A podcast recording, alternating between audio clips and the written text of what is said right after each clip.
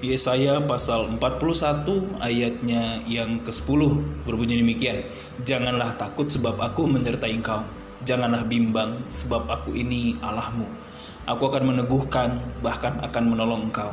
Aku akan memegang engkau dengan tangan kananku yang membawa kemenangan. Teman-teman terkasih, setiap orang punya ketakutannya masing-masing. Setiap orang pernah merasa takut setiap orang punya sesuatu yang mungkin ditakuti sehingga tidak berani dihadapi. Berbicara mengenai rasa takut, saya pribadi ketika memasuki usia 30, ketika saya sudah memulai keluarga kecil saya yang baru eh, berdoa untuk keturunan, berdoa untuk pelayanan ke depan, banyak hal yang kemudian menekan saya yang membuat saya mulai sedikit ketakutan. Contohnya misalnya ketika kami berdoa untuk anak, saya berpikir, bisakah saya jadi teladan? Bisakah saya jadi bapak yang baik?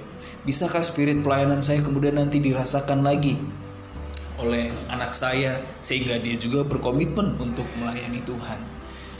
Hal-hal yang sederhana yang mungkin sepele bagi seseorang tapi berbeda bagi saya. Bagi orang lain itu mungkin bukan satu hal yang menakutkan. Tapi bagi saya itu menakutkan. Ada orang-orang lain yang tenang-tenang saja ketika dia dalam kekurangan, tapi ada orang yang begitu gentar ketika memikirkan besok makan atau tidak. Bicara mengenai ketakutan, saya sudah nyatakan di awal tadi bahwa setiap orang punya kadar ketakutannya masing-masing. Tapi saya 41 ayat 10 Ketika Tuhan bicara jangan takut sebab aku menyertai engkau. Tuhan sedang bicara kepada orang Israel. Orang-orang yang sedang menghadapi satu masa berat dalam kehidupannya yaitu pembuangan. Bahkan Nabi Habakuk menggambarkan pembuangan itu, menggambarkan ketakutannya dengan perkataan gemetarlah hatiku, menggigillah bibirku, Aku gemetar di tempatku berdiri. Ketakutan yang luar biasa juga dirasakan oleh Nabi Habakuk ketika membayangkan pembuangan. Kita tahu Yeremia, Habakuk, Yesaya, nabi-nabi Tuhan yang berjuang memberitakan uh, firman Tuhan kepada orang-orang Israel sebelum pembuangan. Mereka menceritakan dengan penuh kasih meski sendiri mereka sendiri ditolak. Teman-teman terkasih, ketika bicara mengenai jangan takut dalam bagian firman Tuhan ini ini bicara mengenai sebuah bencana besar di mana eksistensi sebuah bangsa eksistensi sebuah suku dipertaruhkan dan kita tahu ya nanti setelah kita baca lanjutan-lanjutan firman Tuhan ini bagaimana luluh lantaknya Israel bagaimana temboknya kemudian hancur lebur orang-orang pintar dibawa ke Babel perkakas-perkakas bait Allah dibawa ke Babel bahkan bait suci dihancurkan. Yang menjadi kebanggaan mereka dihancurkan. Bukan hal sederhana juga untuk mereka hadapi. Tapi yang menarik ialah dalam semua rasa takut itu dalam semua kesedihan yang dirasakan oleh nabi-nabi Tuhan untuk memberitakan pembuangan ayat 10 berkata janganlah takut. Setelah hampir 39 pasal, penghukuman dan amarah Tuhan dinyatakan dengan sangat dahsyat.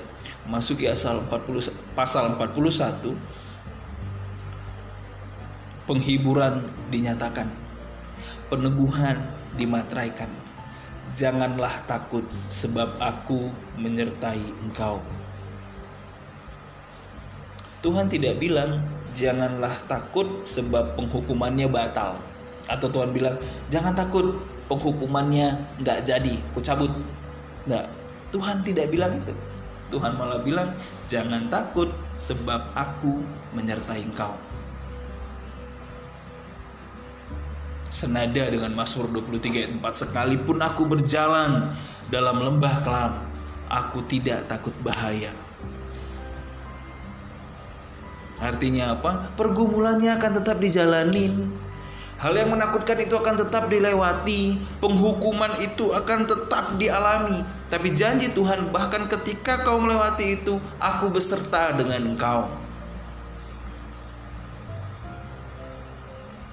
Ketika kau menangis dalam tangisanmu menghadapi pergumulan itu, aku beserta dengan engkau. Masalah itu akan tetap dihadapi, tapi Tuhan mengiringi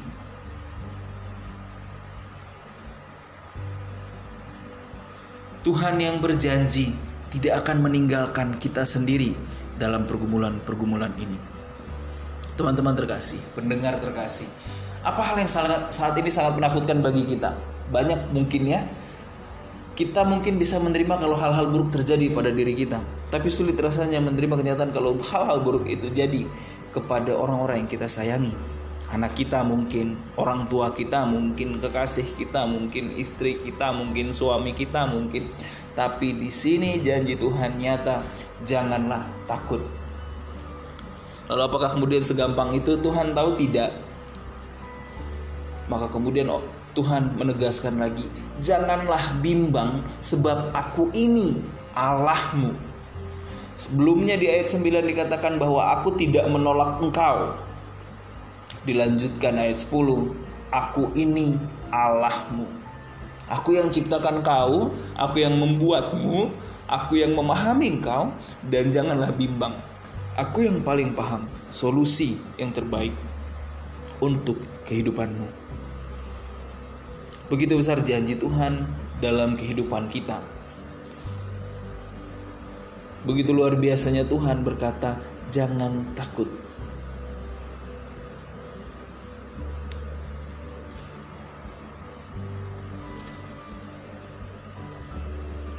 sebagaimana firman itu meneguhkan bangsa Israel masa itu. Biarlah firman Tuhan juga meneguhkan kita semua. Karena pada akhirnya, pada titik tertentu orang Israel dipulangkan, apa yang terjadi? Dalam masa-masa pembuangan itu, banyak orang-orang berhikmat yang kemudian lahir di Isra dari Israel untuk Babel. Bahkan orang-orang orang-orang Israel, mohon maaf, menjadi orang-orang yang semakin mencintai firman Tuhan dan Taurat Tuhan. Pergumulan-pergumulan yang mereka lewati membuat mereka semakin rindu untuk memuji-muji Tuhan. Maka jangan takut. Tuhan bukan tidak mampu menyelesaikan, tapi Tuhan punya kerinduan untuk kita mampu menyelesaikan masalah kita bersama Tuhan. Semakin mengandalkan Tuhan, semakin menyayangi Tuhan. Mari berserah sepenuhnya. Dan Tuhan berkata, jangan takut.